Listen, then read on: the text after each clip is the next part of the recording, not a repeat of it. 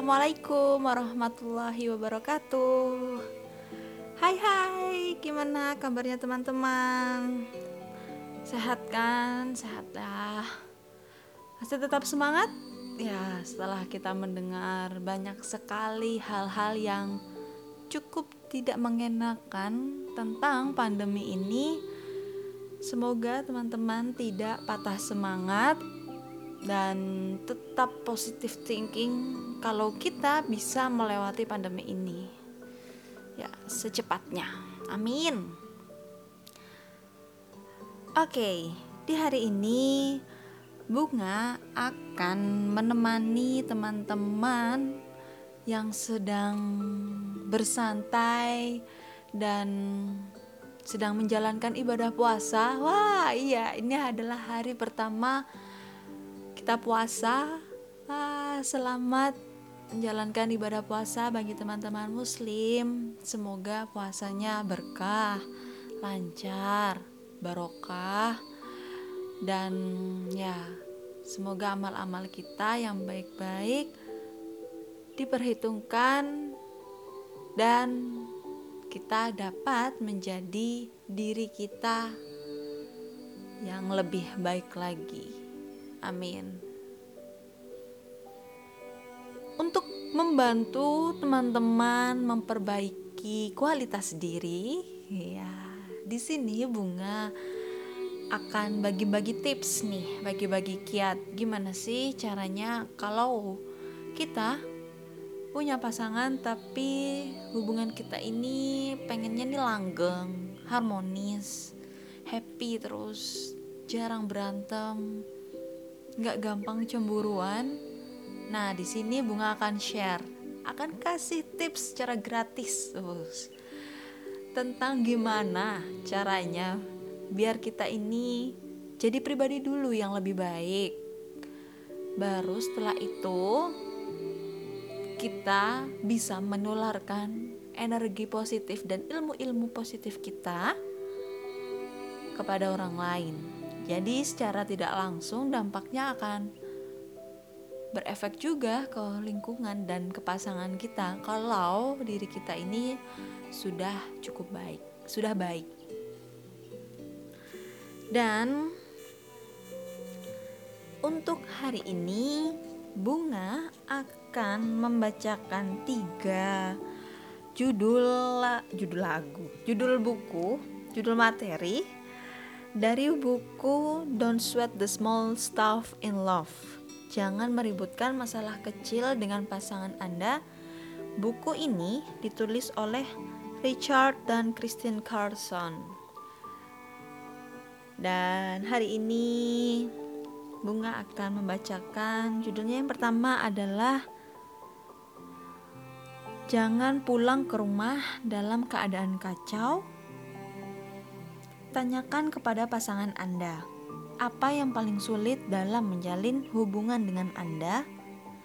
Dan yang terakhir, jangan mempertanyakan apa motif dia. Ya, ini um, kayak lebih ke introspeksi itu ya. Gimana sih? Dan gimana sih? Oke, okay, Daripada lama-lama langsung aja kita dengerin sama-sama kiat yang pertama Jangan pulang ke rumah dalam keadaan kacau. Selamat mendengarkan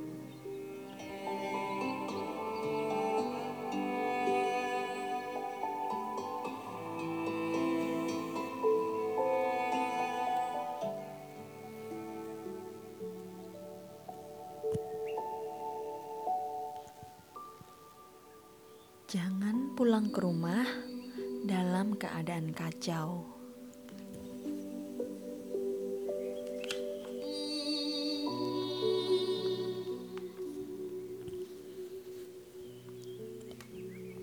Ini cara sederhana, namun dramatis, untuk membuat interaksi Anda lebih damai setelah hari yang panjang dan melelahkan. Dalam banyak kasus, ini bisa membantu Anda untuk menjadi lebih sabar dan penuh pengertian, dan membuat transisi yang sulit dari tempat kerja ke rumah menjadi jauh lebih mudah. Dari hari ke hari, ini akan membantu mendekatkan Anda dengan orang yang Anda cintai, mengingatkan Anda mengapa dulu Anda memutuskan untuk menjalin hubungan dengannya.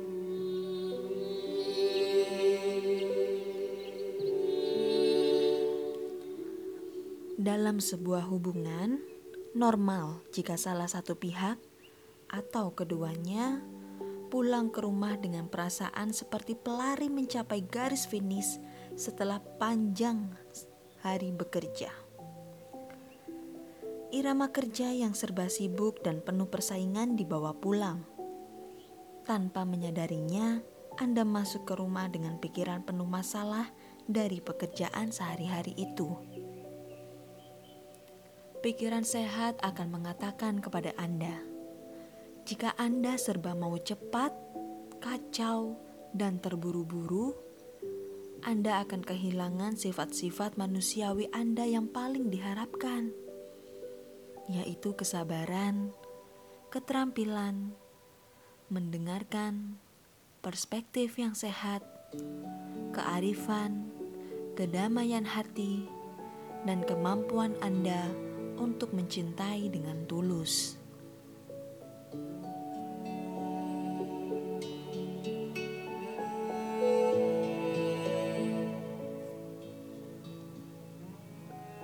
Jika pikiran Anda kacau, Anda akan lebih mudah marah, kesal, dan jengkel.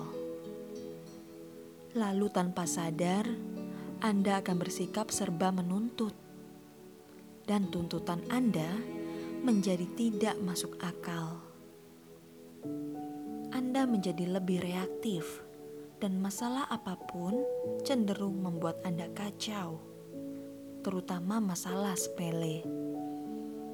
Akibatnya, jika Anda dan pasangan Anda berbincang-bincang berdua di malam hari, Anda cenderung kurang menunjukkan perhatian dan tidak menunjukkan bahwa Anda hadir.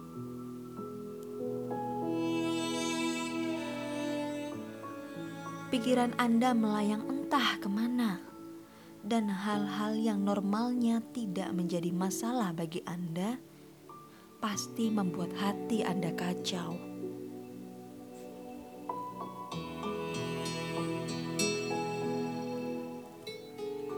Penyelesaiannya cukup sederhana dan mungkin hanya membutuhkan waktu beberapa menit. Sebelum pulang ke rumah, hentikan kendaraan Anda dan keluarlah. Sisihkan waktu beberapa menit untuk mengendorkan saraf, menenangkan debar jantung, mengambil nafas dalam-dalam, dan membuat tubuh Anda rileks. Dengan lembut, ingatkan diri sendiri bahwa hari kerja sudah selesai, dan sekarang saatnya untuk mengganti persneling untuk melambatkan laju irama tubuh Anda. Jika di dekat situ ada bangku taman, Anda bisa duduk atau memandangi matahari terbenam atau mengamati gejala alam. Hasilnya pasti bagus. Tapi bukan itu yang terpenting. Yang paling penting adalah secara sadar mengakui bahwa mengendurkan saraf dan bersikap santai adalah demi Anda sendiri. Perasaan Anda akan nyaman dan lebih dari itu. Pasangan Anda akan menghargai perubahan dalam diri Anda. Mari kita bersikap realistis sangat sedikit orang yang menghargai orang yang mengacau dan suka membuat masalah, walaupun dia sangat mencintainya.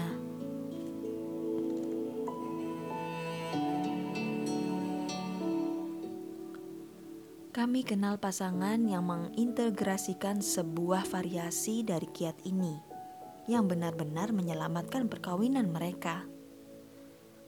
si suami merupakan contoh bagus untuk kecenderungan yang kami gambarkan. Dia dengan niat baik masuk rumah dan langsung melontarkan sederet pertanyaan dan menceritakan betapa sulitnya hari itu baginya. Dia serba terburu-buru hingga tidak sabar menghadapi sikap istrinya yang relatif tenang si istri tidak tahan menghadapi apa yang disebutnya energi gugup suaminya. Sore hari begitu biasanya dia merasa mulai bisa sedikit santai dan kehadiran suaminya akan merusak suasana malam yang seharusnya bisa dinikmatinya. Keadaan menjadi parah sampai-sampai si istri khawatir menghadapi suasana setelah suaminya pulang kerja.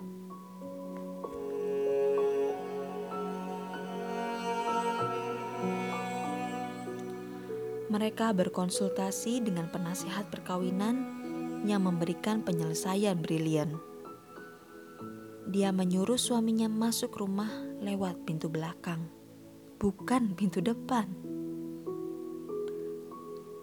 Pria itu harus langsung masuk ke kamar mandi dan berendam selama 15 menit untuk mengendurkan syaraf. Kiat ini berkaitan dengan dua hal. Pertama, saran itu benar-benar membantu si suami untuk mengendurkan pikiran dan tubuhnya. Tetapi yang lebih penting, hal itu mengingatkan bahwa ketergesaannya tidak dirasakan oleh istrinya. Wanita itu sangat menghargai usaha sederhana itu, hingga dia sendiri tidak lagi bersikap reaktif bila sesekali suaminya kembali ke kebiasaan lamanya.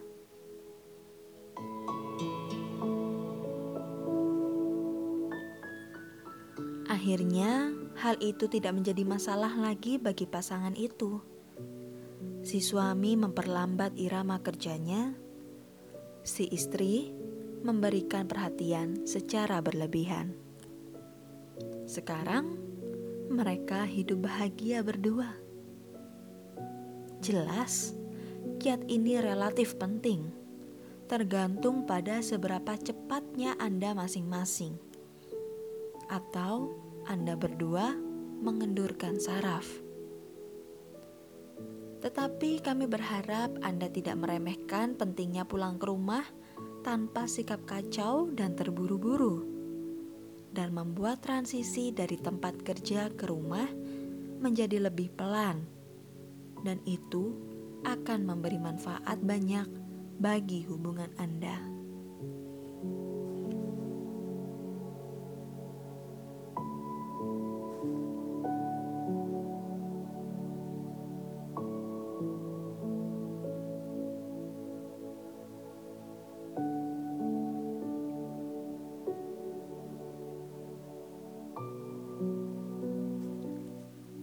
Oke, itu dia teman-teman. Kiat yang pertama, ya ini langsung tiba-tiba teringat banyak hal ya.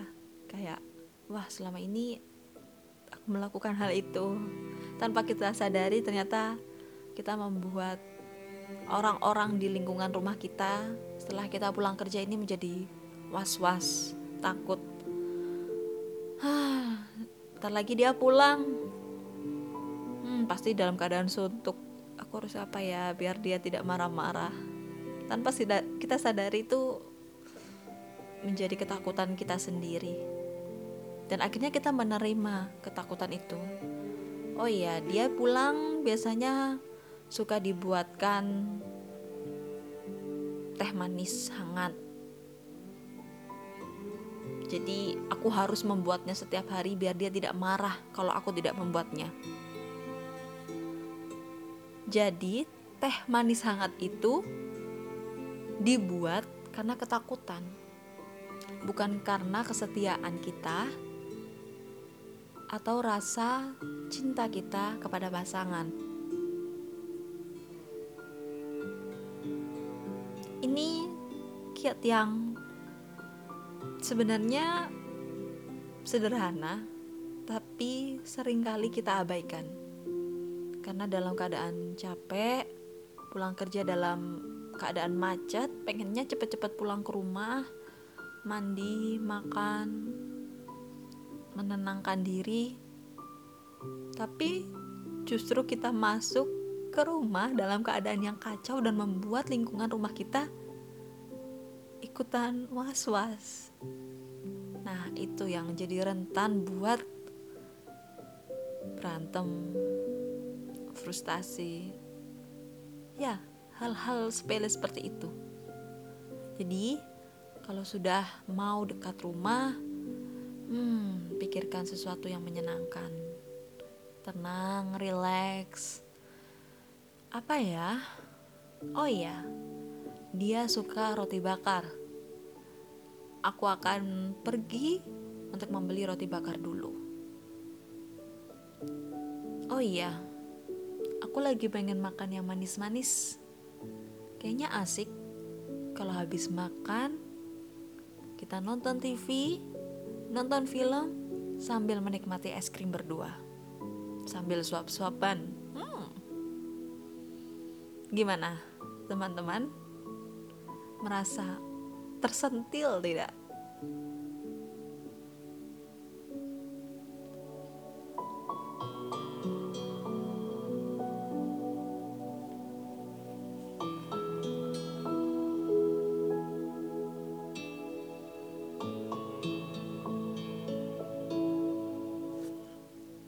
Oke, lanjut lagi ke kiat yang kedua, judulnya Tanyakan kepada pasangan Anda apa yang paling sulit dalam menjalin hubungan denganku?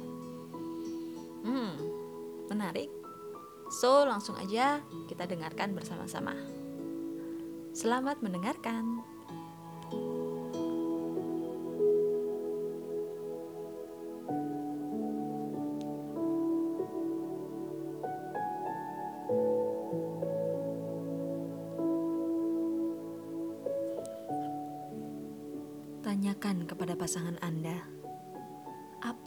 Paling sulit dalam menjalin hubungan denganku?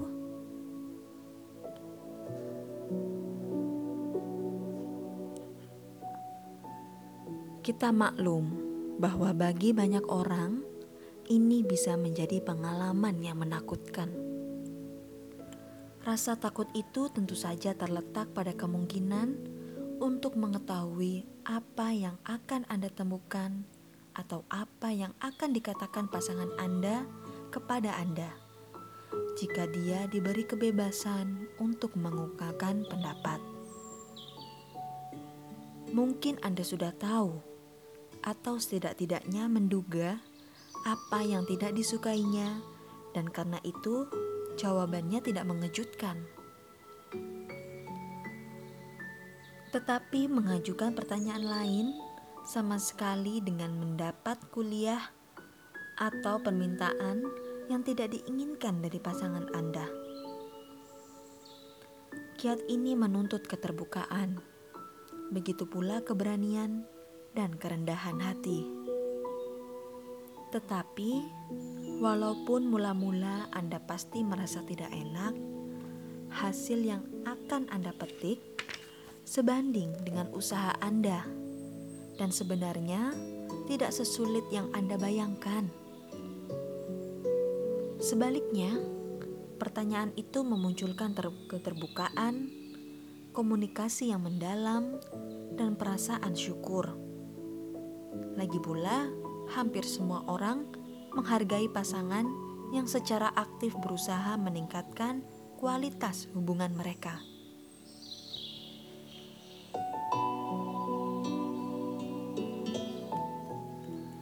Ini jalan pintas menuju hubungan yang lebih baik. Fakta penting yang harus diakui adalah apakah Anda memilih mengajukan pertanyaan ini atau tidak. Pasti ada sesuatu pada pribadi Anda yang tidak disukai pasangan Anda. Dengan kata lain, apa pun pilihan Anda, masalah itu sudah ada. Disembunyikan atau diungkapkan secara terbuka. Anda bisa mencoba menguburnya, tetapi biasanya menimbulkan dendam. Dengan kata lain, jika Anda diam saja, pasangan Anda akan terpaksa menerima apa yang tidak disukainya. Jika Anda ajukan pertanyaan itu, sekurang-kurangnya Anda tahu apa yang tidak disukainya, dan Anda punya kesempatan untuk membuat penyesuaian.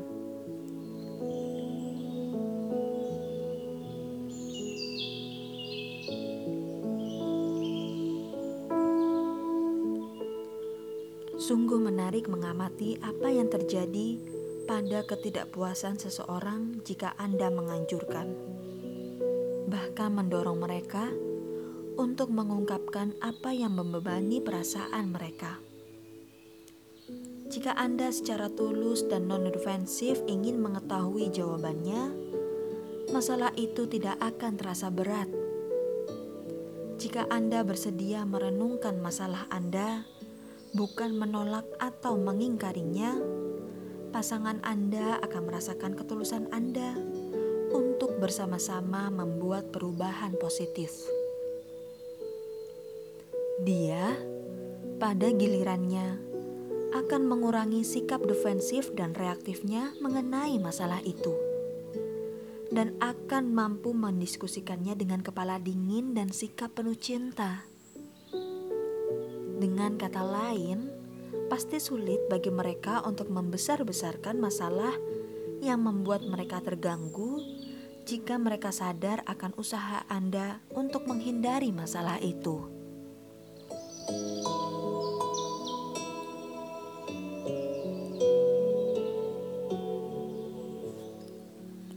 Beberapa tahun yang lalu, saya dan Chris berjalan bergandengan di sebuah kota pantai yang indah di California Utara.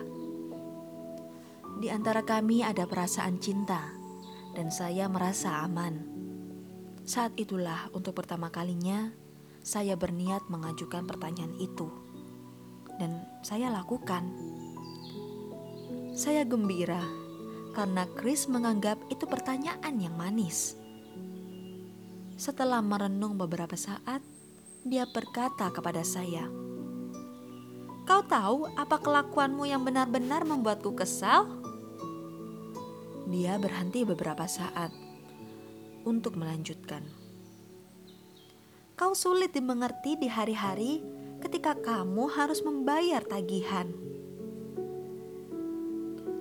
Selanjutnya, dia berkata bahwa saya jadi gampang marah, tersinggung, dan suka mengasihani diri sendiri setiap kali harus duduk untuk menulis dan menandatangani cek. Saya lega mendengar itu.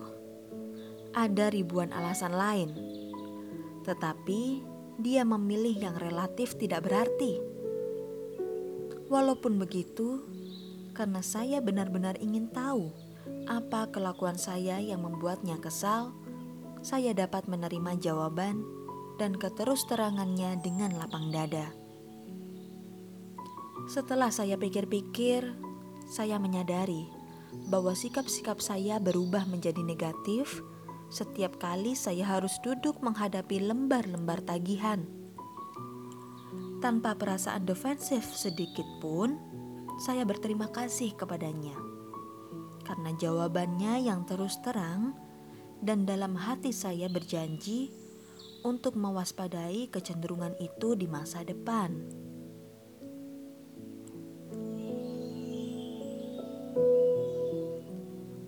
Sekali lagi, itu masalah yang relatif kecil. Tetapi Chris telah menunjukkan sesuatu yang tadinya tidak pernah saya sadari, yaitu reaksi saya ketika harus membayar tagihan telah menjadi kebiasaan buruk yang mempengaruhi suasana hatinya jika dia berada bersama saya. Saya membesar-besarkan masalah. Saya tidak menyadari bahwa kepribadian dan suasana hati saya berubah sebelum, selama, dan sesudah membayar tagihan. Tetapi dia 100% benar.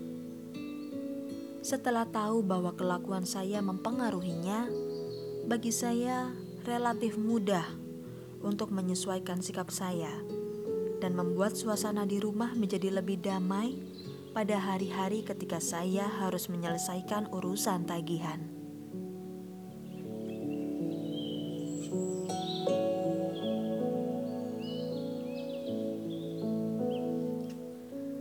Kami anjurkan Anda mencoba kiat ini Pasangan Anda mungkin mengatakan sesuatu yang tidak penting atau sesuatu yang lebih serius. Apa pun jawaban dia, masalah itu telah dibuka dalam situasi yang non-defensif. Dan Anda akan memperoleh kesempatan untuk membuatnya menjadi masalah, bukan masalah. Jika semua berjalan lancar, mungkin pasangan Anda akan meminta masukan dari Anda. Kalaupun tidak, Anda tidak perlu mempermasalahkannya. Apa pun yang Anda lakukan, jangan mengharapkan dia akan melakukan hal yang sama. Jika Anda mengharapkannya, pasangan Anda mungkin akan mengajukan satu bahan diskusi lain waktu Anda mengajukan pertanyaan itu lagi.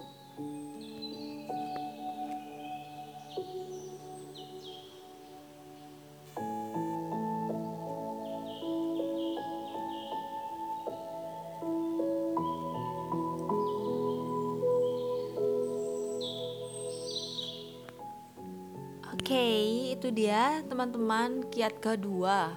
Hmm. Ya. Ini tersentil lagi sih. Biasanya nih, biasanya pertanyaan yang sering kita ajukan ke pasangan kita itu Kenapa sih kamu suka sama aku? Kenapa sih kamu memilihku Kenapa sih kamu menikahiku?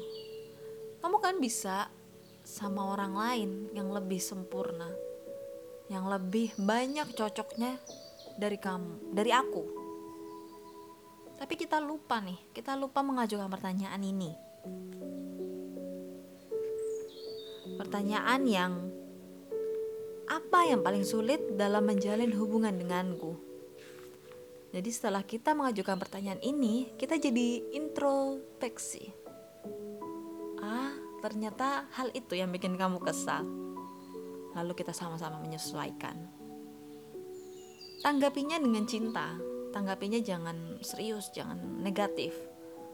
Santai aja, relax.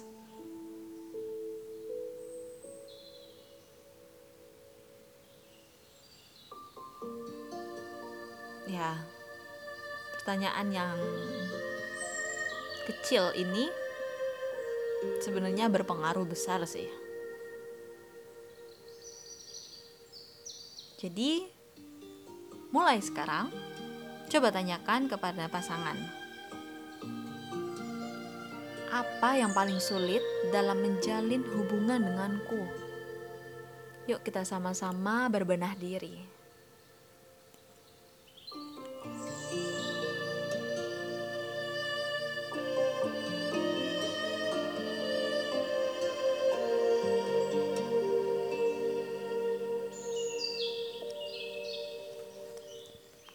Oke, lanjut lagi ke kiat yang terakhir. Judulnya Jangan mempertanyakan apa motif dia. So, langsung saja kita dengarkan bersama-sama.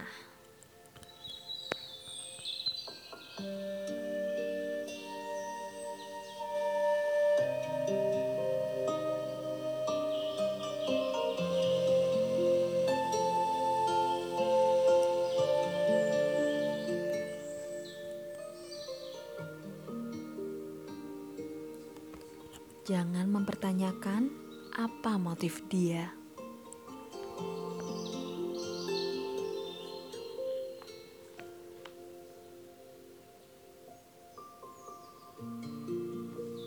Bagi banyak orang, salah satu hal yang paling menyenangkan tentang menjadi dewasa adalah bahwa kita bebas dalam batas-batas tertentu untuk membuat keputusan.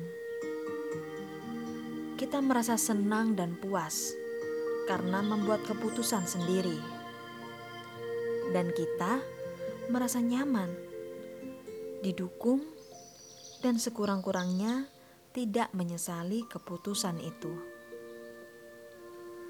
Sebagai contoh, jika Anda memutuskan, "Saya ingin menghabiskan waktu sendirian minggu depan," kegembiraan dan kepuasan Anda ketika membuat keputusan itu akan bertambah jika keputusan itu dihormati oleh pasangan Anda. Hal yang sama tetap berlaku. Apakah keputusan Anda berkaitan dengan sesuatu yang ingin Anda lakukan atau telah Anda lakukan? Misalnya, impian atau rencana yang ingin Anda raih, kursus yang ingin Anda ikuti, arah yang ingin Anda tuju, hobi yang ingin Anda tekuni, masakan yang Anda siapkan untuk makan malam, atau apa saja.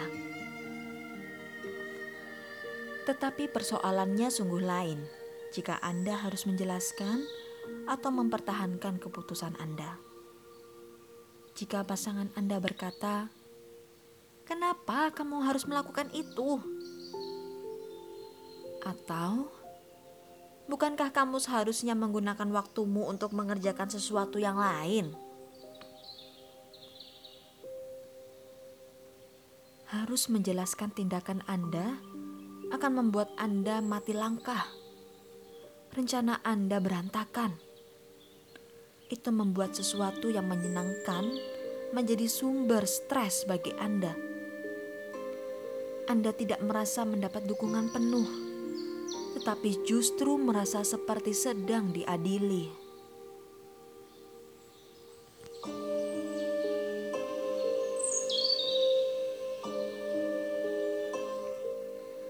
Kami sedang di pantai ketika tidak sengaja mendengar seorang wanita berkata kepada suaminya bahwa dia ada janji makan siang dengan kawan lamanya.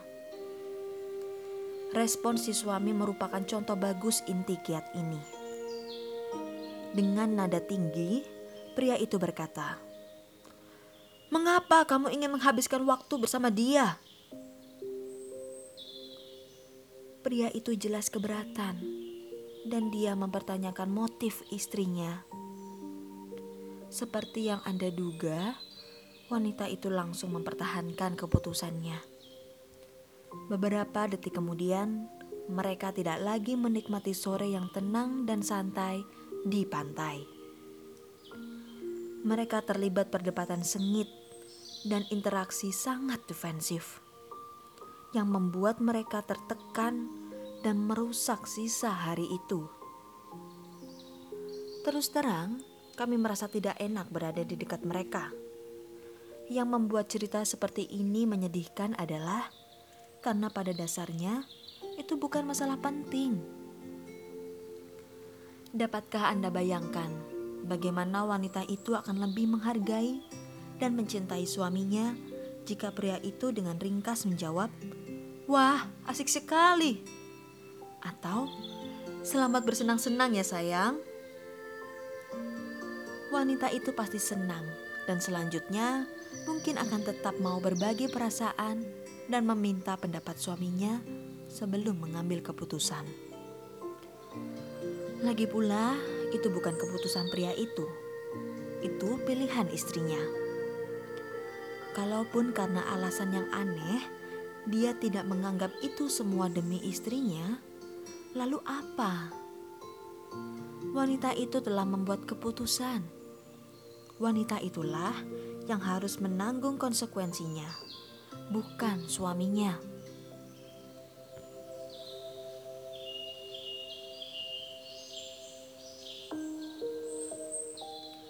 Jika Anda menanyakan motif seseorang, terutama jika jelas-jelas mereka tidak bersalah, Anda seperti membuat pernyataan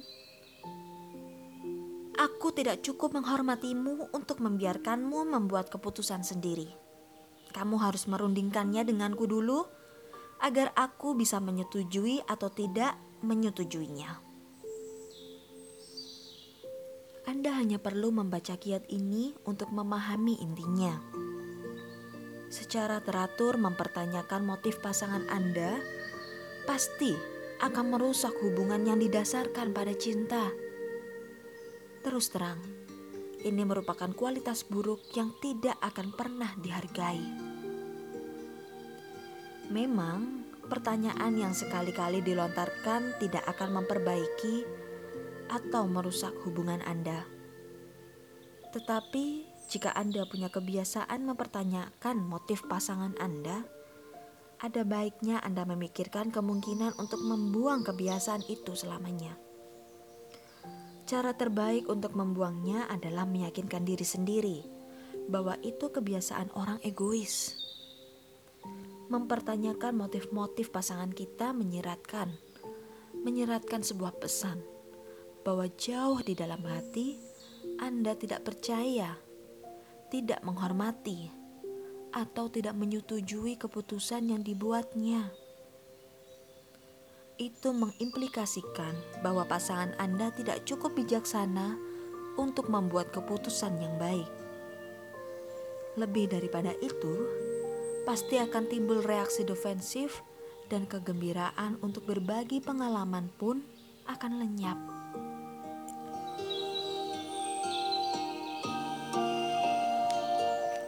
Kami tidak melarang Anda untuk mempertanyakan sebuah motif.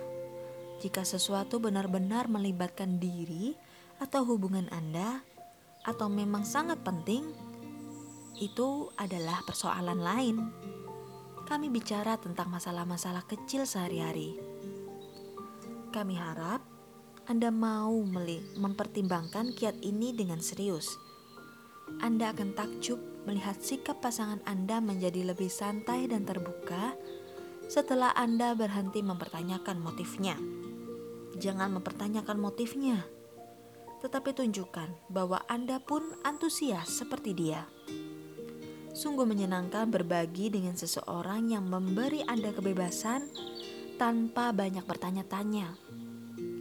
Jika Anda mencoba kiat ini, Anda akan bersyukur karena melakukannya.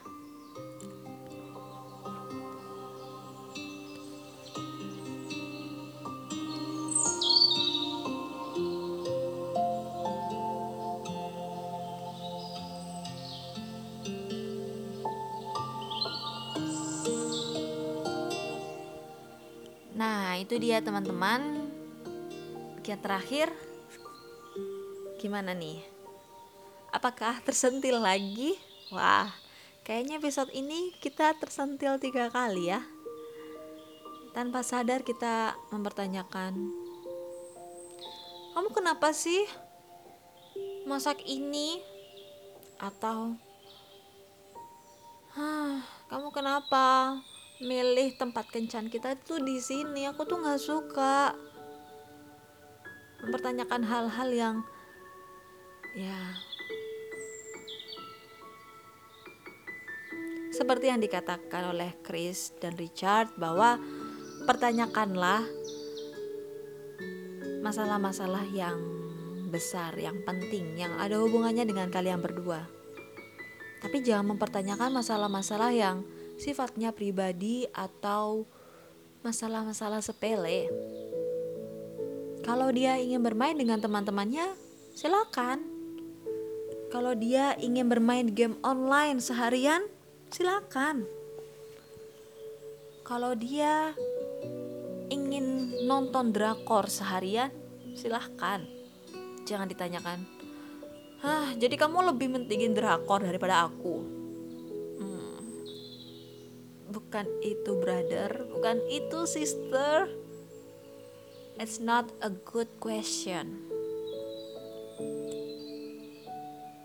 Jadi bisa kalau kalian lagi ada perdebatan tentang masalah yang serius, kalian pertanyakan hal-hal ini, itu it's okay. Misalnya pasangan Anda mengatakan, aku butuh waktu untuk sendiri. Biarkan saja, Atau tanyakan beberapa detik kemudian, kamu yakin? Baiklah kalau kamu memang butuh waktu sendiri aku akan kasih kamu waktu.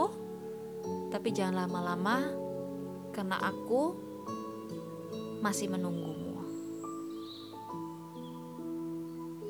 Masalah-masalah berdua yang melibatkan kalian berdua ini ini harus segera diselesaikan kan? Tapi kalau misalnya masalah-masalah pribadi yang sepele nggak usah lah ditanyakan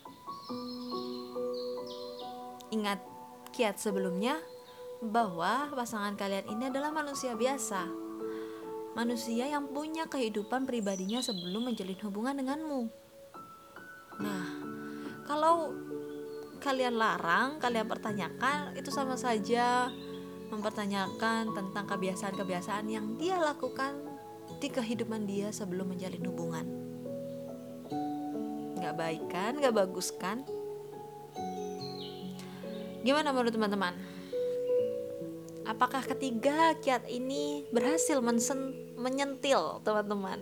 Karena ya dari ketiganya ini jujur bunga tersentil sih kayak wah tanpa sadar aku melakukan hal itu wah ternyata begini ya baiknya tuh begini ya semoga dengan kiat-kiat ini teman-teman bisa mempraktikannya dan secara tidak langsung berdampak positif dan baik ke pasangan dan lingkungan setelah melihat kok respon dia baik gini ya bunga jamin deh pasangan pasti akan meresponnya dengan baik juga bahkan lebih baik jadi secara tidak sadar kalian berdua pasti akan memperbaiki kualitas diri. Jadi kalau ditanya, kamu kok bisa begini? Nah, bisa tuh. Aku dengerin podcastnya Bunga. Asik. Ya, karena ini sudah waktunya Bunga untuk pamit undur diri. Terima kasih buat teman-teman. Kalau masih kurang jelas dengan kiat-kiat sebelumnya, boleh didengerin lagi oh iya aku ada masalah seperti ini nih apa ya bisa search di scroll di bawah cari kiat-kiat um, apa ya yang cocok. Oh ternyata ini aku akan mendengarkannya.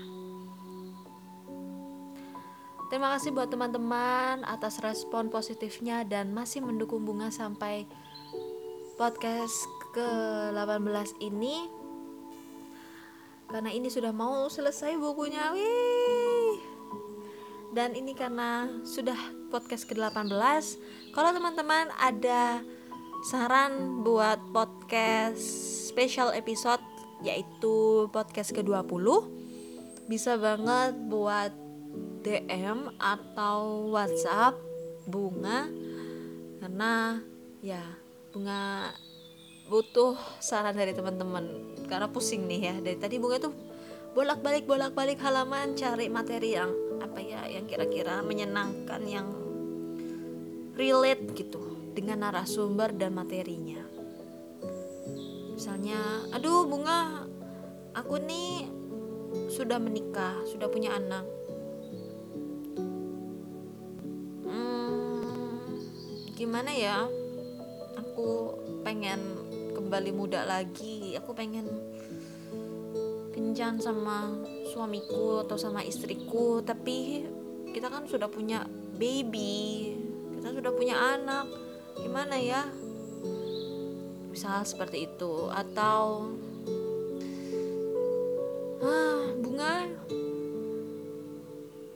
hubunganku sama dia mulai hambar nih. Apa ya yang harus aku lakukan?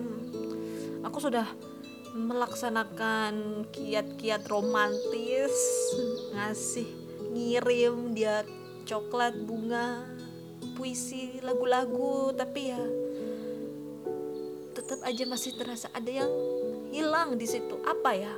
Nah mungkin hal-hal yang seperti itu yang teman-teman pikirkan boleh bantu saran ke aku. Atau mungkin teman-teman mau nih jadi narasumber. Bunga aku mau dong jadi narasumber. Aku pengen di kepo kepo kepoin gitu sama bunga.